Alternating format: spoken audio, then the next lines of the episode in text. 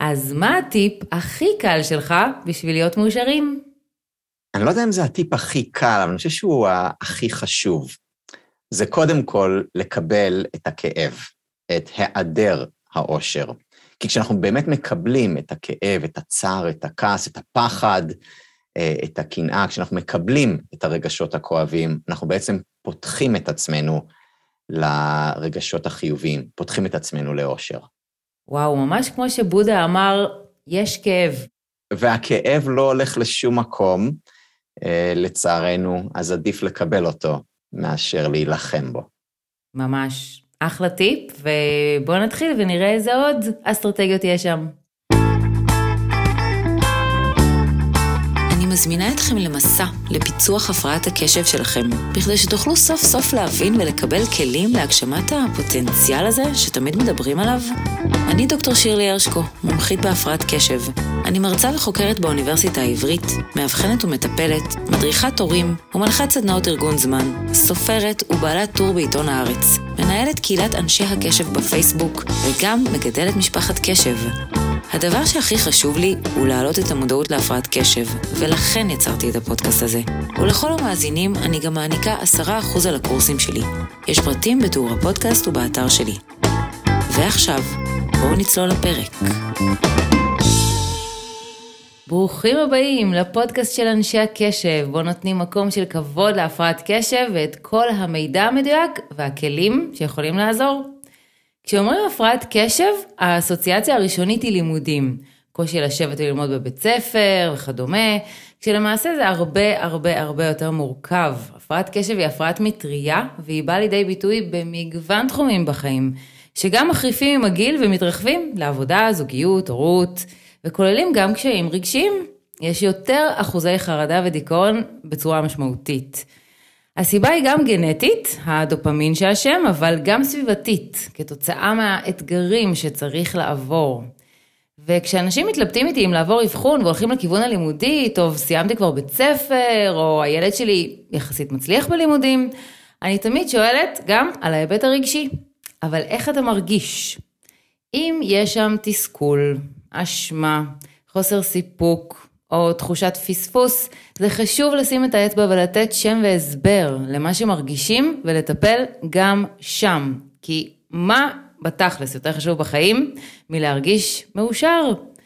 ולכן הזמנתי אלינו היום את פרופסור טל בן שחר, פסיכולוג ומרצה דגול ואהוב בתחום הפסיכולוגיה החיובית והאושר, כיום מלמד באוניברסיטת קולומביה, והוא מקים האקדמיה ללימודי האושר. אז טל, אני ממש ממש שמחה שהגעת אלינו, ותודה רבה. אני מאוד שמח שהזמנת אותי, תודה לך. איזה כיף, איך זה להתארח בפודקאסט של אנשי הקשב? האמת מאוד משמעותי, ו... ואני אגיד לך למה.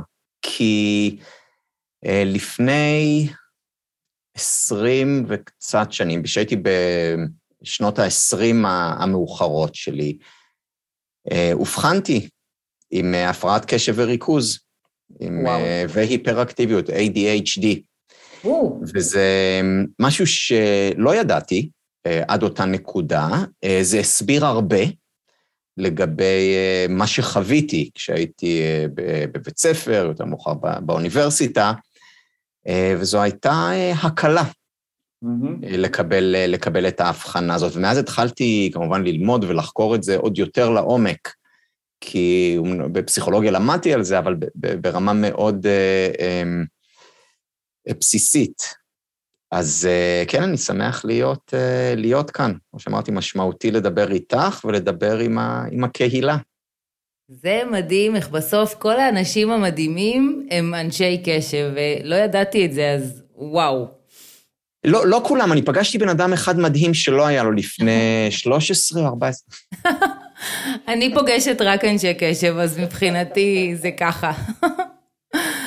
אוקיי, okay, אז uh, בעצם התכנסנו היום כדי שתספר לנו מה זה אושר, או אולי מה זה לא אושר, אנחנו ממש נשמח לשמוע.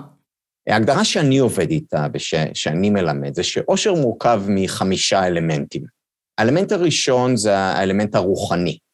מה שאני קורא spiritual well-being, שזה כמובן אפשר uh, למצוא אותו uh, בדת, בתפילה, אבל אפשר גם למצוא אותו, ורוב האנשים מוצאים אותו במשמעות.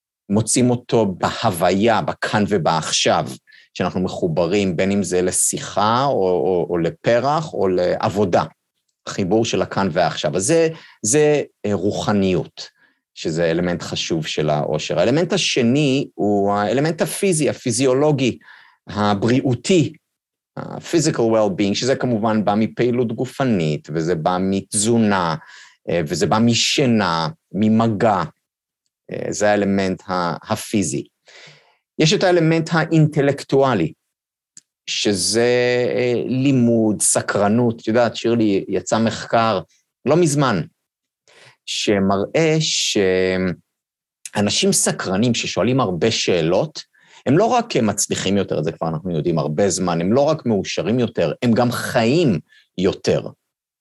כלומר, אה, אה, סקרנות, לא רק שהיא לא הורגת, כמו שאולי עושה לחתול, אה, היא גם בעצם עוזרת לנו לחיות יותר. אז וואו. האלמנט האינטלקטואלי הוא חשוב מאוד באושר, הסקרנות, השאלות. אחרי זה יש את האלמנט הבין-אישי, מערכות יחסים, מנבא מספר אחד של האושר, זמן איכות עם אנשים שאני אוהב ואוהבים אותי. והדבר האחרון זה האלמנט הרגשי, שזה אומר לקבל, כמו שאמרתי בהתחלה, לקבל את הרגשות הכואבים, אה, וגם לטפח רגשות אחרים, כמו הכרת תודה, כמו שמחה, כמו אהבה וכולי.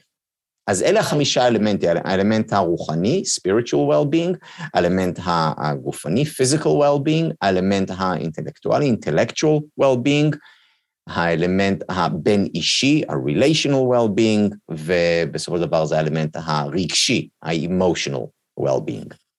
אה, אתה יודע, שאתה מדבר, אני לא יכולה שלא לחשוב על זה שבכל חמשת האלמנטים, לאנשים עם הפרעת קשב, יכול להיות שם יותר קושי. זאת אומרת, גם בהיבט של למצוא אה, משמעות, יש הרבה התלבטויות וקושי בקבלת החלטות.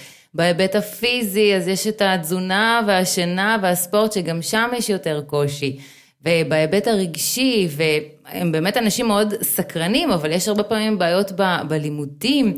אז מה, מה אפשר לעשות בכל זאת כדי uh, להיות מאושרים, או איך אפשר כן למצוא את האושר, אם אפשר בכלל למצוא אותו? שואלים אותי הרבה אנשים, טל, אתה מאושר? אני התחלתי הרי את המסע שלי לפני יותר מ-30 שנה, כי לא היה לי טוב. ולא הבנתי למה. לענות על השאלה, האם היום אני סוף סוף מאושר אחרי 30 פלוס שנים, אני משנה את השאלה, כן, אני לא יודע לענות על השאלה, אני לא יודע אם היום אני מאושר, כי אין נקודה שלפניה אדם הוא לא מאושר ואחריה הוא כן מאושר, כלומר זה לא בינארי, אפס או אחד, זה יותר רצף. ועל הרצף של האושר, כן, היום אני הרבה יותר מאושר מאשר הייתי לפני 30 שנה. אני אבל בטח ובטח מקווה שעוד חמש שנים אני אהיה יותר מאושר מאשר אני היום. כלומר, זה תהליך, זה מסע. תהליך ומסע שמסתיימים כשהחיים מסתיימים בעצם. אז השאלה, האם עם הפרעות קשב וריכוז אני יכול להיות מאושר יותר? התשובה היא חד משמעית כן. אה, ואני אתן כמה, אה, כמה, כמה דוגמאות אה, קונקרטיות ש, ש, שאני חוויתי. את יודעת, אחת הסיבות שלא אבחנו אותי עם הפרעות קשב וריכוז בגיל צעיר. ואחת הסיבות שאני הייתי תלמיד טוב לאורך כל השנים, שוב, עם, עם, עם, עם ירידות באמצע, תקופות לא טובות, אבל סך הכל הייתי תלמיד טוב. זה בעיקר כתוצאה מספורט. זאת אומרת, אני בגיל, אה, האמת, מאז שאני זוכר את עצמי, כבר בגיל חמש, אני החלטתי שאני הולך להיות ספורטאי אה, מקצוען. ואז מצאתי את הסקווש. והתחלתי לשחק סקווש, וזה, וזה מאוד תפס אותי, ו, ו, ושיחקתי במשך שלוש שעות ביום כשהייתי בבית ספר, מגיל מאוד צעיר.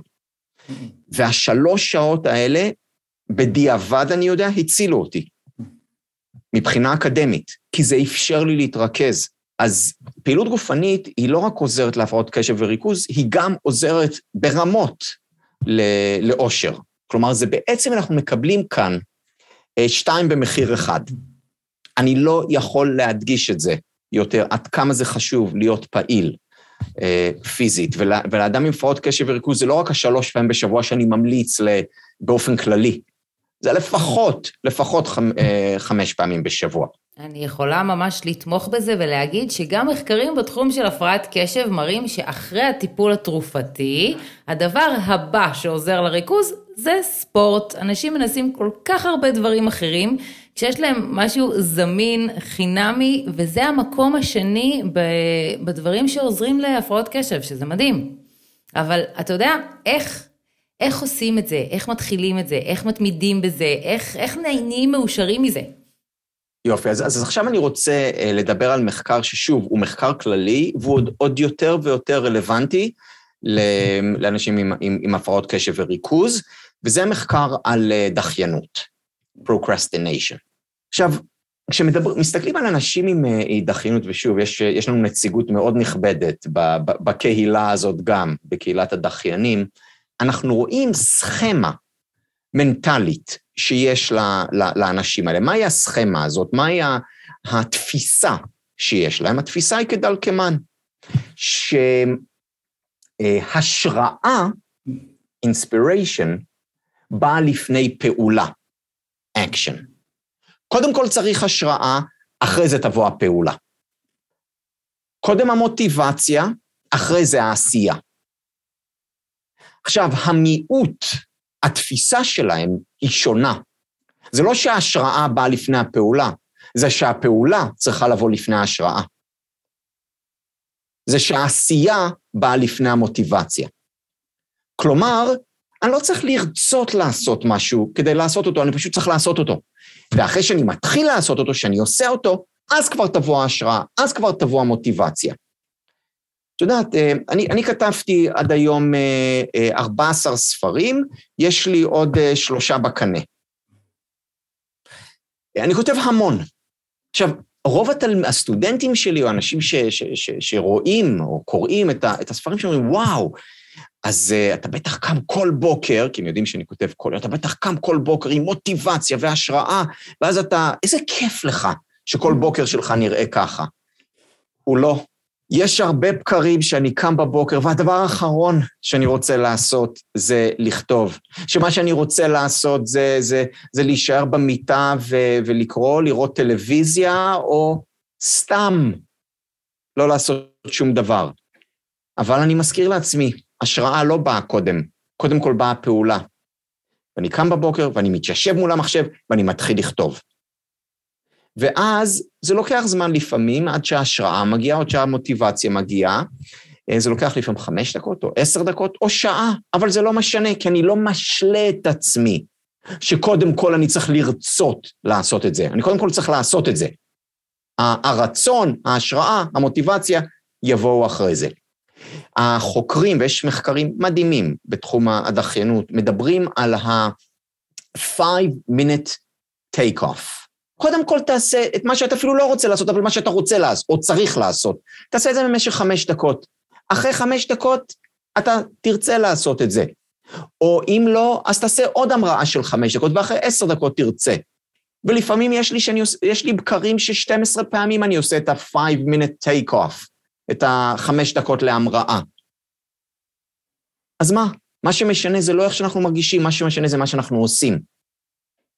והעניין הוא לעשות, לעשות לפי מה שמגדיר אותי כגרסה הטובה ביותר של עצמי. ובגרסה הטובה ביותר של עצמי אני כותב כל יום. וואו, אפילו הדופמין תומך בעניין הזה, כי באמת ברגע שאנחנו מתחילים לעשות פעולה, מתחיל להיות מופרש לנו דופמין במוח, שזה גם הורמון המוטיבציה, ההנאה, הקשב. אז באמת להתחיל איזושהי פעולה יביא איתה את, ה, את הרצון להמשיך. ואני חייבת לציין שזה באמת בכל היבט, לא רק בספורט, אני בדיוק דיברתי עם המטפלת שלי ואמרתי לה, יואו, אין לי זמן, אין לי זמן לקבוע לעצמי עיסוי וזה, ואני לא נותנת לעצמי מספיק. ובאיזשהו שלב היא אמרה לי, אנחנו יכולות לדבר על זה עכשיו שעה, ו- ולמה ואיך. או פשוט תעשי את זה. ווואלה, סיימתי את הפגישה, אה, אז כתבתי וואטסאפ, וזהו, ופשוט קבעתי בלי לחכות אה, שניתן זמן לעצמי וכל הדברים הרגשיים העמוקים יותר. אז, אז אפילו במקומות כאלה, זה, זה כל כך כל כך נכון מה, מה שאתה אומר. ועוד עוד, עוד דבר שמתקשר לנושא הזה, זה העניין של להצליח. זאת אומרת, הרבה פעמים באמת אנחנו עושים את הדברים, אבל, אבל לא, לא מצליח לנו, ו, והשאלה אם באמת הצלחה במשהו היא זו שתביא לנו אושר, או שאנחנו לא צריכים לצפות לה, להצלחה הזאת. אז זה שאת רוב האנשים, וזה גם uh, מה שאני חשבתי uh, הרבה שנים, זה שהסוד לאושר זה ההצלחה. אוקיי, עכשיו אם תזכה באליפות הסקווש הזאת, אז תהיה מאושר. כשתהיה אלוף הארץ זה יקרה. אמ, או יותר מאוחר, כשתתקבל להרווארד, אז תהיה מאושר. או כשיהיה לך את הדוקטורט, או, כשיהיה לך כסף, או מה שזה לא יהיה, את יודעת, לכל אחד זה שונה. או כשתמצא את, אה, את, אה, את, את, את, את אה, בחירת ליבך, אז אני אהיה מאושר. כל הדברים האלה הם, הם, הם אשליה. כן, בטח ש, שאני רוצה להצליח, וכן, בטח שאני רוצה למצוא את בחירת ליבי, ו, ו, ו, וכן, אני בטח רוצה להיות, שיהיה לי נוח אה, ברמה הכלכלית. כל הדברים האלה הם, הם, הם, הם נכונים, אבל זה לא הסוד לאושר. הסוד לאושר זה בדרך, לא בהגעה. זה, בק... זה, זה, זה בשילוב של הכאן והעכשיו עם מטרה שהיא משמעותית עבורי. שם נמצא האושר, לא בהגעה, לא בהצלחה. אז אנחנו צריכים למצוא לעצמנו את הדרך, והדרך, את יודעת, דיברתי עכשיו על עקרונות אוניברסליים, אבל אנחנו צריכים למצוא את הדרך הפרטית, האישית שלנו, בתוך העקרונות האוניברסליים האלה. מה עבורי הוא משמעותי בחיים? מה חשוב לי אה, להשיג?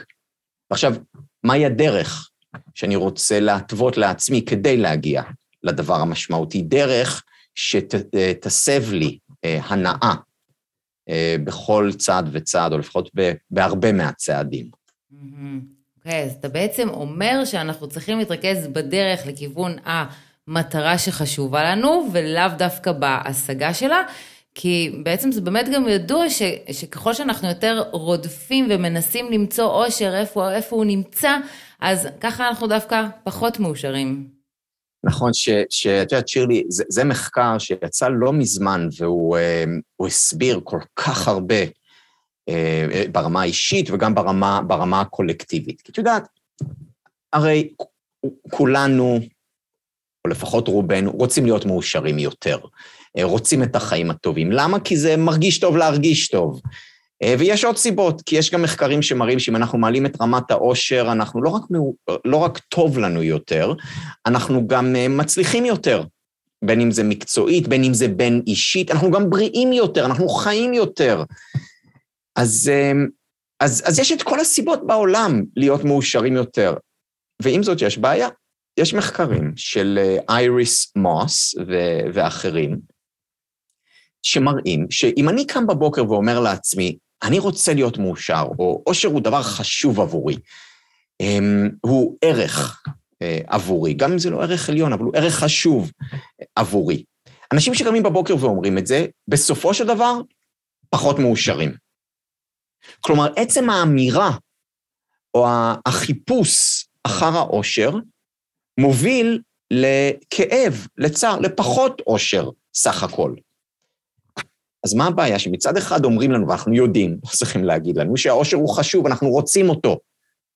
אנחנו רוצים להיות מאושרים יותר. מצד שני אומרים, אבל בעצם אה, לא טוב אה, להגיד את זה, או לא טוב לחשוב את זה, או לא טוב אה, להתחיל לרדוף אחרי האושר, כי הוא רק יתרחק אה, ממך ככל שיותר תרדפי אחריו. אז מה אנחנו עושים עם, ה, עם, עם, ה, עם, עם הפרדוקס הזה, עם הבעיה הזאת? אנחנו רודפים אחרי האושר, בצורה עקיפה, לא, בצ... לא באופן ישיר. מה זאת אומרת? אני אתן לך, אה, אני, אני אתן דוגמה. אמ, או יותר נכון, אנלוגיה. אם אני יוצא החוצה עכשיו, השמש זורחת ואני מסתכל על השמש, מה קורה? אני מכאיב לעצמי. יכאב לי בעיניים, ישרוף לי, אני אדמה כתוצאה מה... מזה שאני באופן ישיר מסתכל על השמש. אבל מה אני יכול לעשות? אני יכול לקחת אה, פריזמה, ובעצם לשבור את קרני השמש, ואז להסתכל עליהם. ומה אני רואה כשקרני השמש אה, שבורים? את, אה, את, את הקשת, את צבעי הקשת, ואני יכול ליהנות מזה אמ, במלואם. כלומר, להסתכל על השמש באופן ישיר מכאיב, להסתכל על השמש באופן עקיף, אני, זה, זה מסב לי הנאה. אותו דבר עם אושר. לקום בבוקר ולהגיד, אני רוצה להיות מאושר יותר, אושר הוא חשוב עבורי, אני הולך לרדוף אחרי האושר, זה יכאיב לי. זה להסתכל על השמש באופן ישיר. אבל אם אני שובר כביכול את האושר לאלמנטים שלו, לצבעי הקשת, אני יכול ליהנות מהם. מה הם, מה הם האלמנטים האלה? בדיוק האלמנטים שדיברתי מקודם. החמישה, הרוחניות, הפיזית, האינטלקטואלית, הבין-אישית והרגשית. spiritual, physical, intellectual, relational ו-emotional well-being. אם אני קם בבוקר ואומר, אה, אני הולך עכשיו להתאמן יותר, כלומר, אני בעצם רודף אחרי האלמנט הפיזי, שזה אחד מהצבעים של, הק... של, של, של, של האושר. אני הולך להתאמן יותר, זה יוסיף לרמת האושר שלי. אם אני אומר, אמ, אני הולך לבלות יותר זמן איכות עם אנשים שאני אוהב, בלי שהטלפון דלוק, בלי הפרעות. באמת להתמקד באנשים האהובים, זה הולך להעלות את רמת האושר שלי. אם אני אה, כותב יומן, נותן לעצמי את הרשות להיות אנושי, כותב על הרגשות שלי, או אומר תודה על הדברים שיש לי, אלה כל הדברים שמוסיפים ב, ל, לרמת האושר, הם דברים שאני רודף אחרי האושר בצורה עקיפה. הצבעים, לא הקרן עצמה. Mm, וואי, אתה יודע, זה מסתדר פשוט מדהים עם המחקר פוסט-דוקטורט שלי שהיה על ארגון זמן. זאת אומרת, ניסיתי מחקר שבדקתי בו את השיטה שפיתחתי לארגון זמן, שכבר העברתי אותה עשר שנים ורציתי לראות מחקרית אם היא עובדת. ו... ואז בדקתי מלא מלא נתונים, והנתון הכי מדהים שהיה שם, שאנשים שלמדו לארגן את הזמן, זה העלה את איכות החיים שלהם. זאת אומרת, ממש השתמשתי בשאלון איכות חיים, שהוא מאוד מאוד אה, מתוקף וידוע, וממש נמצא שהאיכות חיים שלהם עלתה, גם בסיום הסדנה, אבל גם חצי שנה אחרי. זאת אומרת שהארגון זמן הוא זה שהביא להם לאושר, וזה בדיוק... מתחבר למה שאתה אומר, שלהכניס את הדברים האלו שעושים לנו טוב, אה, לתוך החיים בצורה שהיא יותר נקודתית. ואני יודעת שגם אתה מדבר על, אה, ממש על אה, דברים פרקטיים, מעשיים, נקודתיים, שאפשר לעשות, כמו שהתחלת באמת להגיד לגבי ההודיה למשל, ש, שגם הם עוזרים לנו להיות מאושרים. יש, יש עוד דברים כאלו שאנחנו יכולים להכניס לחיים שלנו? אה, אז קודם כל, אני מאוד אוהב את המחקר שלך, ואני אשתמש בו ברשותך אה, היום. יש לי יותר מאוחר וובינר, אה, שאני נפגש עם הסטודנטים שלי. זה מתחבר להרבה דברים ש, ש, ש, שאני מדבר עליהם. אמ, אז מה, איזה עוד דברים אנחנו יכולים לעשות? מה עוד אנחנו יכולים לעשות כדי, באופן עקיף, אה, לרדוף אחרי האושר. אז אני רוצה לדבר קצת על אה, סקרנות, אה, כי זה מאוד רלוונטי להפרעות קשב וריכוז. אז כפי שאמרתי בהתחלה, סקרנות לא רק גורמת לנו להצליח יותר, היא גם, היא גם מעריכה את החיים שלנו. ואחד הדברים שאני עושה כשאני מדבר על, על הפרעות קשב וריכוז שלי, אני מדבר על זה ב, ב, בש, בשתי דרכים. כי אני רוצה להמחיש לסטודנטים שלי שהתפיסה שלנו את העולם משנה הרבה יותר לאושר מהעולם עצמו. זה לא שהעולם עצמו לא משנה כמובן, ואני שוב לא מדבר על מקרי קיצון כאן, שעכשיו שאנשים שהם אה, חיים תחת אש, שיש לצערנו הרבה מאוד אנשים ש, שחיים כך, או אנשים שחיים ב...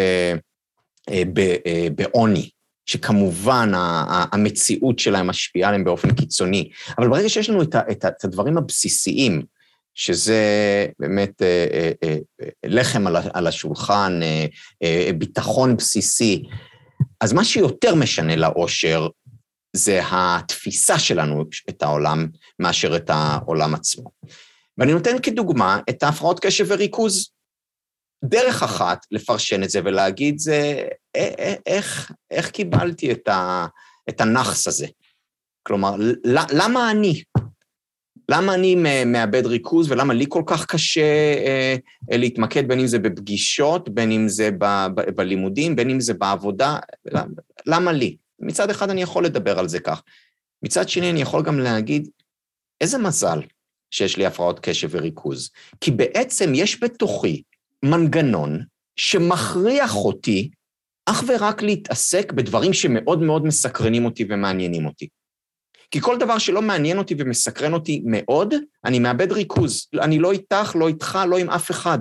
כלומר, יש בי מנגנון שמכריח אותי לעשות דברים שמאוד מסקרנים אותי ומאוד מעניינים אותי.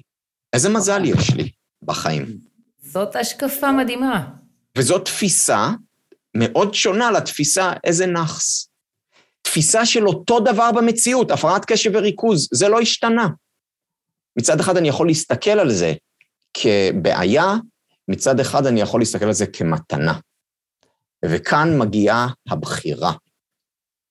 כי כן, אני מתעסק בתחום העושר כי זה מרתק אותי. אני מתעסק בתחום הפסיכולוגיה כי אני מת על זה. את יודעת, אני שיחקתי סקווש במשך שנים כי אני כל כך אהבתי את זה. כלומר, המנגנון הפנימי שלי מכריח אותי להתעסק בדברים, אין, אין, אין, למנגנון הזה זמן להתבחבש. כן, אני צריך לעשות את זה, אמרו לי שאני צריך, לה... אין, אין דבר כזה. כי אם אמרו לי והכריחו אותי, אז אני מאבד ריכוז בשנייה. אם אני באמת רוצה לעשות את זה, זה כבר סיפור אחר. וואי, כל כך אהבתי את זה. מנגנון פנימי שמכריח אותי להתעסק רק במה שאני אוהב. זה, זה ממש מנגנון ששומר עליך להיות מאושר. מאושר יותר. כל החיים המנגנון הזה שומר עליי. יואו, זה מסר כל כך חשוב באמת בקבוצה שלנו, באנשי הקשב. אנחנו קבוצה שרוצה להיות אופטימית ולהסתכל גם על הדברים החיוביים והרבים שיש בהפרעת קשב, כמו באמת הסקרנות והיצירתיות והאמביציה, אבל זה, זה באמת הדבר, המנגנון ששומר עלינו להתעסק רק במה שאנחנו אוהבים. איזה חיים מדהים. וואו, אוקיי, אז uh, באמת uh, לקראת סיום, אני רוצה לגעת עוד בשתי נקודות מעניינות בנושא. אחת היא הפרפקציוניזם, בגלל שזה ידוע שגם בהפרעת קשב יש יותר אחוזים של פרפקציוניזם, וזה גם עוד יותר מעלה את אחוזי החרדות, שגם ככה הם גבוהים שם, וזה לא ממש מסתדר עם להיות יותר מאושרים. אז מה יש לך להגיד לנו על פרפקציוניזם? אז קודם כל הקבלה, שזה אומר הקבלה של הכאב, של הפחד, הקבלה של ה... אמ, של החוסר יכולת להתרכז אולי במשהו מסוים, אה, הקבלה של הפרעת קשב וריכוז, אה, הקבלה של, ה, של הפחד, של הקנאה, קודם כל לקבל את, ה, את הרגשות האלה, לקבל את הכישלון, כי החיים המצליחים ביותר הם, הם גם החיים עם הכי הרבה כישלונות, זה לא צירוף מקרים שתומאס אדיסון, אולי גדול הממציאים, הוא גם גדול הנכשלים. זה לא צירוף מקרים, ואנחנו רואים את זה במחקר אחרי מחקר אחרי מחקר, בין אם זה בתחום האומנות, בין אם זה בתחום המדע, בין אם זה בתחום העסקים, בין אם זה בתחום הספורט. המצליחים ביותר בכל אחד מהתחומים האלה הם גם האנשים שנכשלו הכי הרבה פעמים. עכשיו, מה אחת הסיבות שאנשים עם הפרעות קשב וריכוז הם אה, הרבה יותר מצליחים? ויותר יצירתיים, זה כי הם נכשלים הרבה. למה? כי הם מנסים הרבה. למה? כי נמאס לנו הרבה.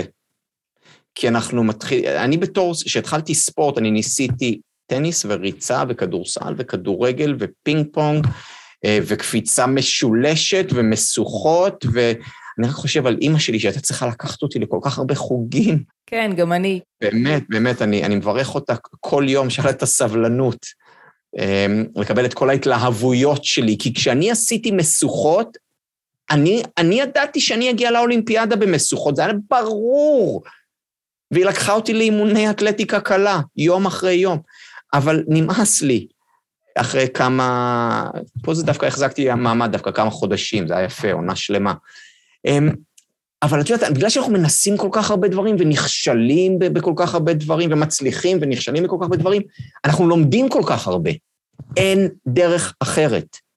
אצל הפרפקציוניסט זה, זה קשה מנשוא. וחשוב מאוד לדעת לקבל את, ה, את, ה, את הכישלונות האלה ולנסות שוב ושוב ושוב. אז באמת, כשמדברים על, על פרפקציונים, בראש, בראש ובראשונה, הקבלה. הקבלה של הכישלון, הקבלה של הכאב, הקבלה של הפחד, הקבלה של, אמ, אמ, של היעדר משמעת, לקבל את כל אלה, ואז להחליט לפעול בצורה ש, שמגלמת את הגרסה, את, את, את, את, את הוורסיה, את הגרסה הטובה ביותר שבי. וואו. אני חושבת, קודם כל, שזה מסר חשוב להורים, להורים לילדי הקשב, שתמיד אומרים לי בקורס, הוא לא מתמיד, לכמה חוגים אני יכול לרשום אותו, והוא לא מתמיד, הוא, הוא, מה, מה עושים, איך אפשר לגרום לו להתמיד? אני אומרת להם, אי אפשר לגרום לו להתמיד. התפקיד שלכם זה פשוט לקחת אותו שוב ושוב, לאן שהוא ירצה, הוא ינסה, הוא יהיה איזושהי תקופה, ואז באמת יימאס לו והוא יעבור לדבר הבא, ואיך שאתה מציג את זה, שוב פעם, בצורה כזאת אופטימית וחיובית, זה, זה מעולה באמת, ש, שעל ידי כל הניסיונות האלה וגם הכישלונות שאנחנו הרי כל כך לומדים מהם, בסוף מזה אתה הכי מצליח, כי אם אתה באמת הולך במסלול אחד וישר ו- ולא, ולא מנסה, אז זה לא, לא בהכרח, בוא נגיד זה ככה. שירלי, את יודעת, זו נקודה מאוד חשובה, אבל אני, אני כן רוצה אה, להגיד עוד משהו. את יודעת, החשיפה היא, היא, היא מאוד חשובה. ובאמת, אה, אבא שלי, המילת, אולי המילה שאני הכי הרבה שמעתי ממנו בתור ילד, הוא אומר, חשוב exposure, exposure. החשיפה היא, היא חשובה. ול, ו, ולילד עם הפרעות קשב וריכוז, זה, זה כפפה ליד. bring it on, עוד חשיפה, עוד, uh, עוד, עוד, עוד דברים שונים. והעניין הוא, עד ש... וזה שוב, זה לא תמיד קורה, אבל הרבה פעמים זה כן קורה, עד שמתאהבים.